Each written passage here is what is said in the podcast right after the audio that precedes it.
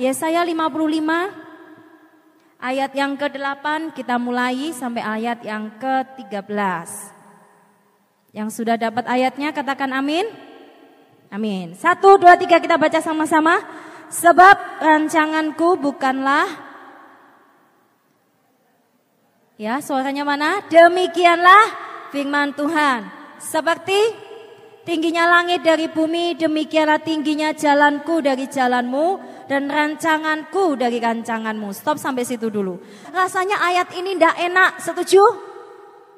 Rasanya seolah-olah setiap kali kita punya rencana, setiap kali kita punya harapan, punya mimpi, itu pasti beda dengan mimpinya Tuhan. Atau kita selalu berpikir bahwa apa yang kita inginkan pasti itu bukan uh, kehendak Tuhan. Atau apa yang Tuhan inginkan juga bukan yang saya inginkan. Sehingga di antara kita dengan Tuhan seperti seolah-olah jadi lawan begitu ya. Gak cocok terus. Ayat ini tidak enak. Sekalipun ayat ini sering kali kalau kita dijadikan penghiburan.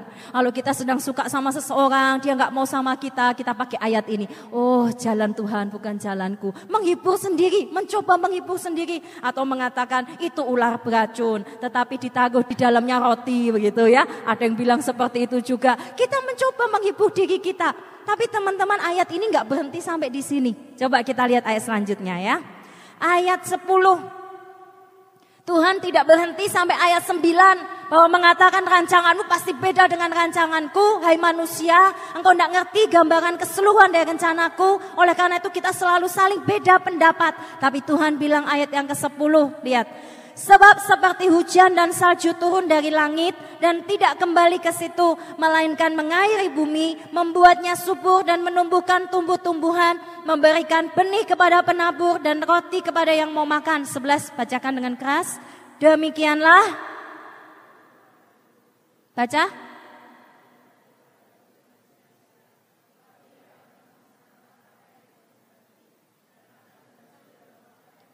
12. Lihat, sungguh kamu akan berangkat dengan sukacita dan akan dihantarkan dengan damai. Gunung-gunung serta bukit-bukit akan bergembira dan bersorak-sorai di depanmu dan segala pohon-pohonan di padang akan bertepuk tangan. 13. Sebagai ganti semak duri akan tumbuh pohon sanobar, sebagai ganti kecubung akan tumbuh pohon murad, sebab dan itu akan terjadi sebagai kemasyuran bagi Tuhan, sebagai tanda abadi yang tidak akan lenyap. Puji Tuhan, karena ayat itu tidak berhenti sampai di situ. Tapi ada ayat-ayat luar biasa yang di setelahnya itu bahwa berkata bahwa firman Tuhan, apa yang Tuhan kehendaki itu adalah kedamaian, adalah suatu hal yang baru, sesuatu yang indah, sesuatu yang di mana kita mungkin anggap itu adalah surga. Firdaus buat kita. Ternyata Tuhan bilang, dah itu padang gurun. Aku siapkan yang jauh lebih baik untuk kita semuanya. Oleh karena itu bersuka cita hari ini.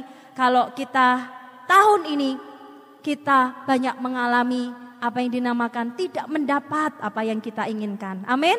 Siapa tahun ini yang ada yang tidak mendapat yang diinginkan angkat tangan? Oh, semuanya dapat ya? Eh, pernah tidak mendapat apa yang diinginkan? Pernah berharap sesuatu tidak dapat atau mungkin kita kecewa, mungkin kita sedih, tapi bersyukur hari ini Tuhan memberikan ayat ini buat kita. Kah kita puas dengan kehidupan kita? Sudahkah kita bertumbuh? Teman-teman, sering kali bertumbuh itu tidak dilihat dari apa yang nampak, teman-teman. Mungkin tahun ini Tuhan sedang memotong, sedang memangkas setiap sifat-sifat buruk kita. Mungkin tahun ini Tuhan sedang memangkas orang-orang yang kita harapkan selama ini, yang kita andalkan, yang kita cintai lebih dari Tuhan. Apakah berarti kalau dipotong itu tidak bertumbuh? Saya percaya tidak. Tuhan, saya percaya Tuhan yang memberi pertumbuhan buat gereja ini. Tuhan sedang memberikan pertumbuhan untuk saya dan Anda. Yang percaya katakan amin. Tuhan kasih pertumbuhan, amin. Mungkin Anda merasa, aduh hidupku stagnan, hidupku. Percayalah, kita lihat dari kacamata Tuhan. Apa yang sedang Tuhan lakukan bagi orang-orang yang mau menyerahkan dirinya dalam tangan Tuhan. Tuhan sedang bekerja walaupun kita tidak melihatnya. Dia sedang memotong bunga-bunga kita, dia sedang memangkas kita. Bagi orang yang pecinta bunga, saya eman untuk memotong daun-daunan yang rimbun. Saya eman. Tapi kalau saya eman, saya tidak jadi tukang kebun yang baik. Saya percaya Tuhan itu pengusaha kebun anggur yang luar biasa. Ya, Nah teman-teman, pernahkah Anda tahun ini ingin menyerah? Saya pernah. Pernahkah dalam hidup Anda, Anda berkali-kali menangis sama Tuhan dan berkata, Tuhan saya ingin menyerah, saya rasanya nggak sanggup lagi meneruskan perjalanan bersamamu. Pernah nggak Anda seperti itu? Saya pernah. Tapi saya lihat bagaimana tangan Tuhan yang tidak terlihat itu. Yang mungkin ketika saya menangis sendirian di kamar, meraung-raung. Tidak ada seorang pun yang peluk saya. Tidak ada tangan yang kelihatan yang membasuh air mata saya. Tapi saya percaya Yesus ada bersama kita. Yang percaya katakan amin. Dia selalu ada. Dia nggak pernah tidak ada. Dia lebih dari segalanya. Oleh karena itu teman-teman, ada bayangan-bayangan ketakutan mungkin yang akan kita hadapi di tahun depan. Tapi kita hari ini mau belajar percaya. Menghadapi raksasa-raksasa di dalam diri kita. Percaya enggak? Raksasa di dalam diri kita itu jauh lebih menakutkan daripada peperangan-peperangan yang harus kita hadapi di luar kita. Sekali lagi saya katakan, peperangan-peperangan di dalam diri kita, monster-monster gitu ya, atau raksasa-raksasa di dalam diri kita sendiri itu kadang jauh lebih mengerikan, jauh lebih bahaya daripada raksasa-raksasa di luar sana yang harus kita hadapi. Kenapa teman-teman? Saya percaya murid-murid Tuhan Yesus ketika mereka selama tiga tahun mengiring Tuhan, mereka juga mengalami yang namanya peperangan terhadap monster di dalam diri mereka. Mereka mengalami ketakutan, mereka mengalami mungkin trauma dari masa lalu. Kalian tahu mungkin ya si Petrus dia berperang selama tiga tahun itu dengan apa kesombongannya. Dia tahu dia harus humble seperti Kristus, tapi dia juga ingin apa ya namanya ingin menjadi besar, dia ingin dikenal, dia ingin membela Tuhan. Dia berperang dengan yang namanya keangkuhannya, keakuannya. Kita lihat bagaimana si Thomas. Anda mungkin tidak pernah lihat bagaimana Thomas berjalan dengan Tuhan. Tapi saya percaya Thomas memiliki satu kelemahan fatal. Dia suka pakai logika, dia suka berprasangka, dia suka berpikir beda, dia suka berpikir negatif. Mungkin dia selalu berperang dengan pikirannya. Dia tidak mudah percaya dengan orang lain. Ketika Yesus panggil Thomas untuk jadi muridnya, ya. Tetapi saya percaya dia juga berperang dengan pikirannya. Dia tahu dia mengikut Kristus yang begitu luar biasa. Sama seperti kita. Dia mungkin masih berperang ketika Yesus mengadakan mujizat. Dia percaya, dia lihat mujizat. Tapi mungkin di balik pikirannya dia merasa, kok bisa ya? Kok bisa orang mati ini bangkit? Kok bisa? Kok bisa? Kok bisa? Kok bisa? Dia orang yang tidak mudah percaya. Hari ini coba lihat setiap diri kita teman-teman. Monster apa yang ada di hati kita monster apa yang ada di pikiran kita. Kita semua tampaknya baik-baik. Kita semua tampaknya mengikut Kristus. Mungkin murid-murid Yesus selama tiga tahun. Kita lebih dari tiga tahun. Amin. Apa yang ada di dalam hati kita? Gak seorang pun tahu. Tapi Tuhan tahu.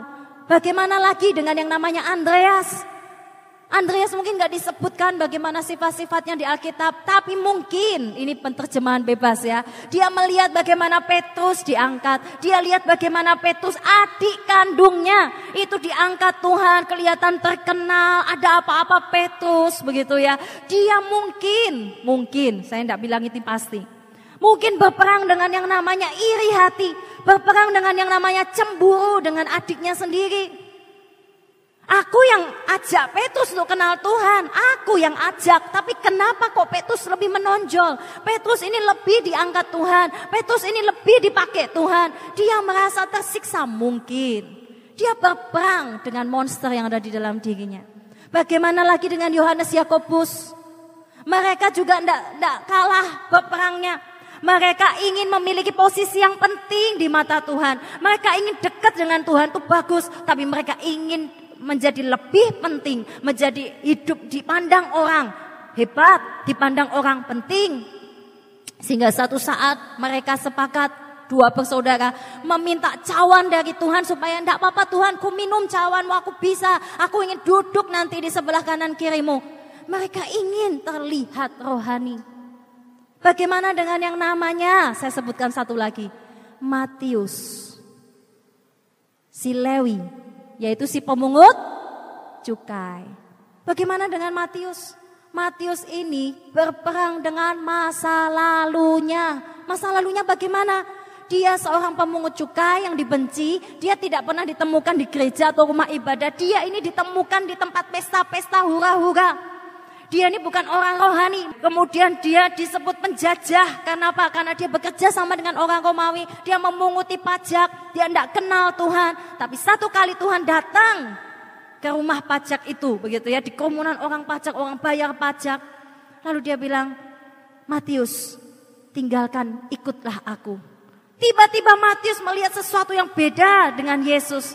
Dia tinggalkan semuanya tiba-tiba dan dia ikut Yesus. Tapi apakah itu selesai? Tidak.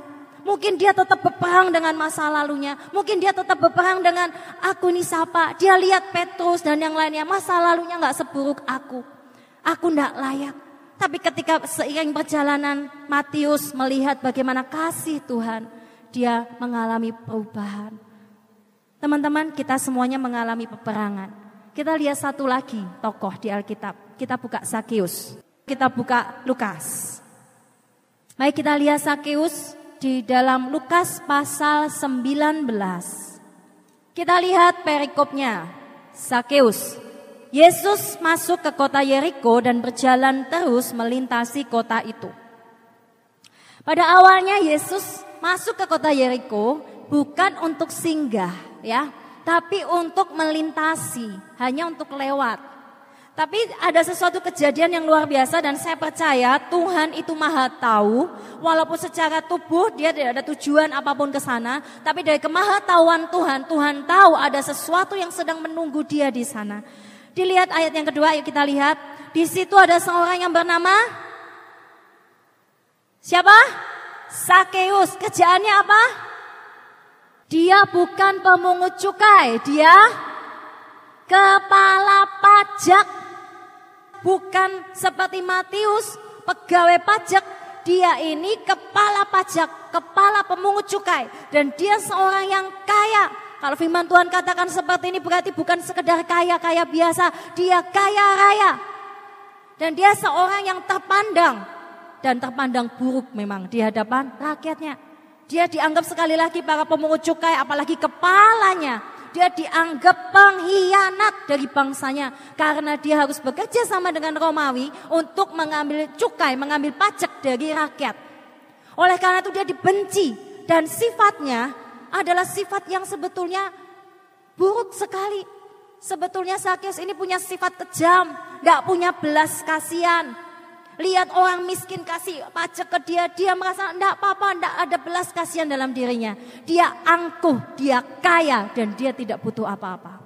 Itulah Sakius. Tapi kalian tahu arti nama Sakeus itu beda sekali dengan dia pada waktu itu.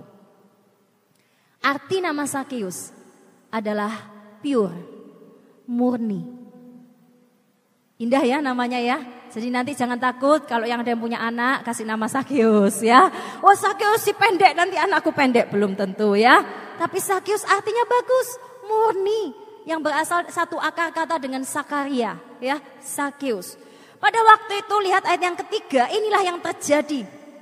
Ia berusaha untuk e, melihat orang apakah Yesus itu tapi ia tidak berhasil karena orang banyak sebab badannya pendek. Teman-teman, Sakius ini ada sesuatu yang di dalam hatinya yang tidak bisa dimengerti pada waktu itu. Kenapa dia ingin mencari Yesus?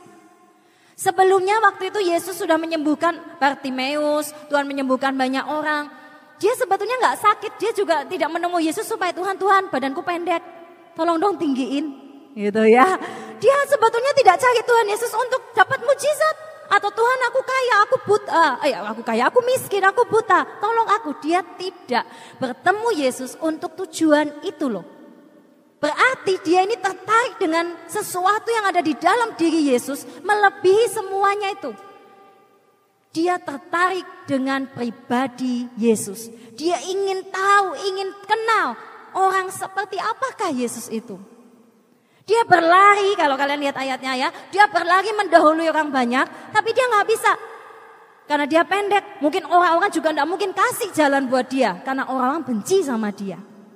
Tapi yang dia lakukan, dia berlari mendahului semua orang. Karena apa? Dia ingin, dia punya karep gitu ya. Dia punya tekad, dia mau lihat Yesus, dia mau ketemu Yesus.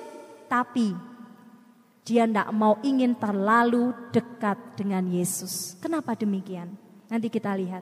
Dia tidak bisa lihat Yesus, lalu dia panjat pohon. Untung yang dipanjat bukan pohon Natal, ya. Kalau pohon Natal rubuh pohonnya. Dia panjat pohon yang besar, dia naik ke atas pohon, lalu sembunyi di daun-daunan ini. Perilaku yang tidak biasa untuk seorang kepala pajak. Ada seorang kepala atau menteri misalnya melakukan ini, ini hal yang aneh gitu kan. Bodoh sekali, ngapain? Langsung aja ketemu aku kepala pajak, aku orang berpengaruh. Tapi ada sesuatu di dalam dirinya yang Tuhan sedang bekerja, yang tidak seorang pun tahu. Tapi Yesus, roh Tuhan sedang bekerja di hatinya. Dia ingin melihat Yesus. Sampai dia sudah nongkong di atas, dia lihat gitu ya. Ah itu Tuhan Yesus. Tapi Tuhan Yesus kok lama-lama mendekati dia. Lama-lama mendekati dia. Lalu tiba-tiba sudah ada di depan pohon itu. Dia merasa kaget. Loh, dia mungkin dalam hatinya sudah berdebar kencang dan tidak bisa berkata apa-apa. Dia ingin dekat sama Tuhan. Dia ingin lihat Yesus itu seperti apa. Dia sungguh ingin tahu pribadi seperti apa Yesus yang katanya orang. Yesus itu menyembuhkan. Yesus itu bukan hanya itu saja dia nggak butuh kesembuhan. Yesus juga menjadi sahabat, pelacur, pemungut cukai, bahkan muridnya itu mantan pegawaiku misalnya begitu ya. Mantan oh, mantan mantan pemungut cukai. Dia ingin tahu seperti apa Tuhan ini. Dan dia tidak ingin terlalu dekat. Karena apa? Dia takut. Dia akan dihakimi. Dia mungkin akan ketika Yesus ketemu dia, dia akan berkata, "Berapa kamu sudah korupsi berapa? Kamu sudah uh, melakukan kejahatan apa? Yesus tahu segala-galanya. Dia takut ketemu dengan Tuhan. Tapi Tuhan menjumpai dia. Ini luar biasa sekali. Mungkin kita sudah sering dengar kisah dari Sakeus, teman-teman. Tapi kita lihat bagaimana hati Sakeus hari ini lebih dalam. Ketika dia berjumpa dengan Yesus, Yesus berkata, Sakeus, dia tahu namanya, dia panggil namanya, turunlah. Hari ini aku harus menumpang di rumahmu. Ada sebuah perjumpaan yang luar biasa. Ada begitu banyak orang yang berjumpa dengan Yesus di belakang Yesus. Ratusan orang mungkin. Tapi Yesus tidak menjumpai dia secara pribadi. Sakeus yang dijumpai secara pribadi. Bahkan menumpang di rumahnya. Dalam perjalanan itu Anda bisa bayangkan bagaimana Sakeus merasa bersuka cita. Dia tidak dihakimi. Ketakutan-ketakutan dia ketika ketemu dengan Tuhan tidak terjadi. Tuhan tidak tanya kejahatan apa yang sudah kamu lakukan. Kamu habis buat dosa apa tadi malam. Tuhan tidak tanya semua itu. Yesus uh, dengan begitu ramah menggandeng mungkin mengajak memeluk Sakius yang pendek itu gitu ya di sebelahnya bercakap-cakap sepanjang jalan. Bercakap-cakap sepanjang jalan. Di situ Sakyus mencurahkan isi hatinya. Di Sakyus mencurahkan ketakutannya. Dia curahkan bagaimana dia dibenci mungkin banyak orang. Tapi dia menerima sebuah penerimaan yang tanpa syarat dari Tuhan. Di situlah ketika sampai di rumah kita lihat perubahan Sakyus. Dia memberikan bahkan empat kali dari apa yang sudah dia peras. Suatu pertobatan dan keselamatan terjadi atas rumah Sakyus. Teman-teman tahukah Anda, hari penghakiman akan datang. Ya, tapi saya percaya Tuhan tidak menghakimi kita. Di masa-masa kasih karunia-Nya ketika kita datang kepada Dia, Tuhan itu tidak tanya berapa besar dosamu. Apakah kamu hari ini sudah buat dosa apa? Dosa ini, dosa ini. Ketika Tuhan Yesus uh, pelacur yang dia harus menulis dan berkata siapa yang pertama yang melempar. Kalau uh, siapa yang berdosa uh, tidak berdosa boleh melempar batu pertama kali. Tidak seorang pun yang melempar karena mereka semuanya mungkin adalah pejinah juga. Dan pada waktu itu Yesus nggak tanya mungkin orang lain berkata itu kotor wanita itu pejina wanita itu uh, kotor mereka menghakimi menghakimi dan menghakimi. Tapi Yesus tidak menghakimi. Dia tidak bertanya kamu sudah tidur dengan berapa laki-laki. Kamu rumahmu di mana? Kenapa kamu buat seperti itu? Alasannya apa? Yesus tidak tanya semua itu. Dia menerima dan berkata, ya sudah, pergi jangan buat dosa lagi. Kita lihat bagaimana kasih Tuhan kepada setiap kita. Tapi sering kali yang terjadi, kita suka membuat utang terhadap diri kita sendiri. Kita suka buat utang terhadap orang lain dan kita membuat orang lain suka berhutang sama kita. Dengan cara apa? Kita suka hakimi kesalahan orang lain termasuk saya. Kita suka uh, menghakimi diri kita sendiri. Kita suka menilai diri kita sendiri. Tapi Tuhan kita lihat bagaimana Tuhan. Dia sahabat orang berdosa. Ketika Natal tahun ini saya dapat ayat ini. Bagaimana Tuhan datang itu bukan untuk mencari orang yang sehat, orang yang benar. Yesus datang ke muka bumi ini adalah untuk mencari orang yang berdosa. Dia datang ke muka bumi ini untuk menjadi sahabat orang berdosa. Dan Sakius mengerti betul hal ini. Dia betul-betul menjadikan Kristus pada waktu masuk dalam hidupnya. Dia tidak menerima penghakiman apa pun. Bagi Kristus semua dosa itu sama.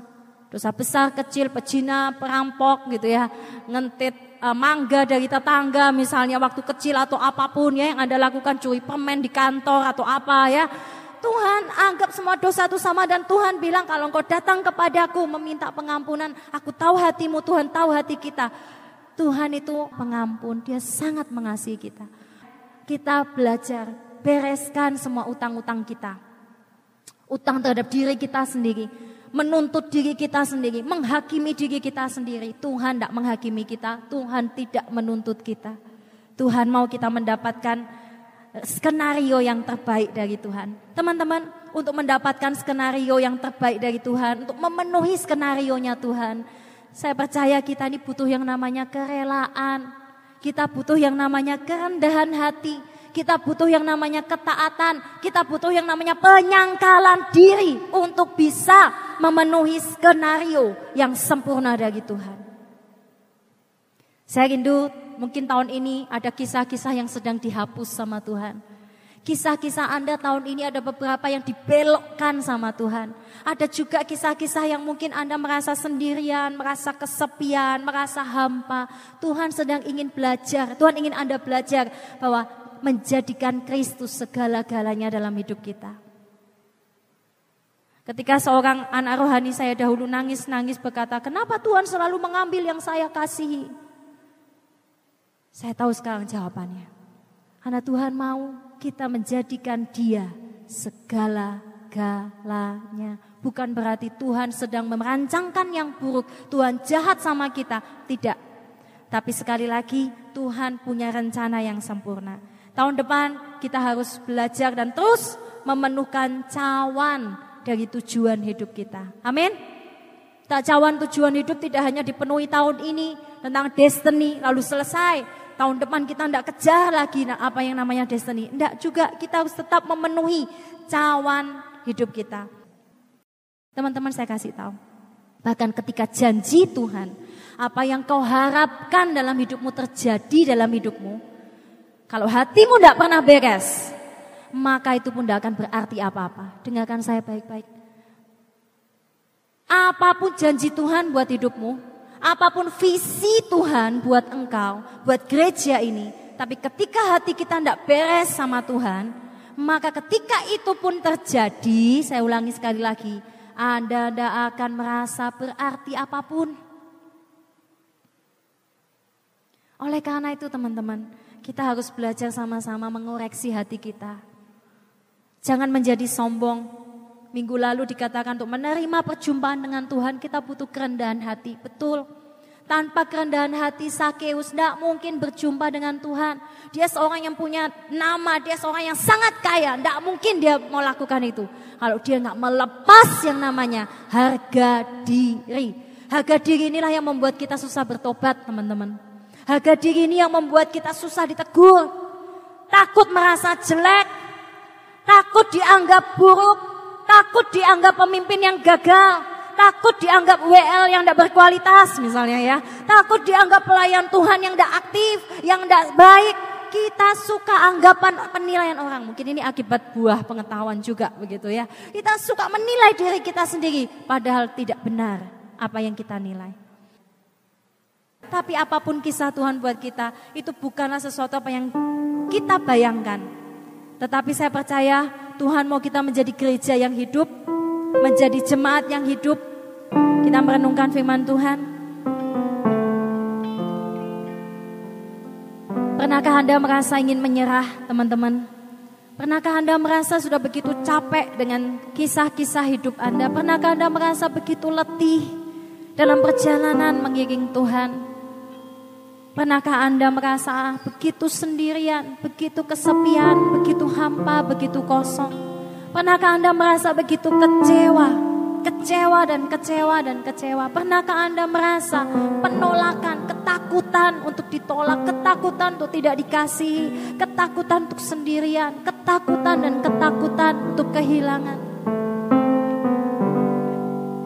Apa yang ada di dalam hati kita? Mari kita mencoba siang pagi hari ini kita lihat lebih jelas kepada hati kita masing-masing. Sebelum kita memasuki minggu-minggu yang baru di tahun yang baru, Tuhan selalu menghargai yang namanya tahun yang baru. Bahkan setiap hari Tuhan bilang rahmatku, kasihku selalu baru setiap pagi. Yang artinya tidak pernah berakhir, tidak pernah berubah. Itulah kasih Tuhan. Ingatlah bahwa Tuhan adalah sahabat bagi orang-orang yang berdosa seperti kita. Tuhan adalah sahabat bagi orang-orang yang tidak layak seperti kita. Dia tidak menghakimi kita, dia tidak menghakimi saya, dia tidak menghakimi Anda. Tapi sering kali kita lah yang menghakimi diri kita terus menerus dan menjerat leher kita dengan utang-utang. Dan kita tidak mau serahkan itu sama Tuhan. Bagi tahun depan, mulai hari ini bukan hanya tahun depan, minggu depan, tapi hari ini juga kita mau belajar untuk menyerahkan setiap utang-utang kita. Kita mau serahkan setiap masa lalu ketakutan kita akan masa depan kita di hadapan Tuhan.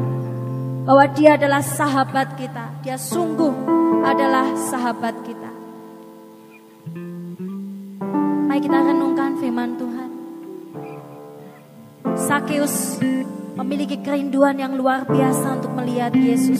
Walaupun di dalam hatinya ada ketakutan, ada keraguan, tapi tidak menghalangi dia berlari, mendahului banyak orang. Kalau kita mau hidup kita dijumpai secara pribadi oleh Tuhan. Firman Tuhan katakan jangan menyerah. Jangan menyerah. Jangan menyerah dengan peperangan-peperangan di hatimu, monster-monster kejahatan yang ada di dalam hati kita masing-masing. Percayalah, jangan takut. Datang kepada dia dan katakan semua isi hati kita kepadanya. Katakan setiap kelemahan kita, ketakutan kita, keburukan kita. Dia menerima kita. Dia sangat-sangat menerima kita. Dialah penulis hidup kita yang agung. Dan mari kita hari ini kita nyanyikan lagu ini, kita bersyukur, kita mau katakan kau yang menulis hidupku Tuhan. Kau yang akan menentukan langkah-langkahku sehingga aku tidak akan takut. Setiap bayangan-bayangan ketakutan dalam hatiku, biarlah ku serahkan kepadamu Tuhan. Kaulah penulis hidupku.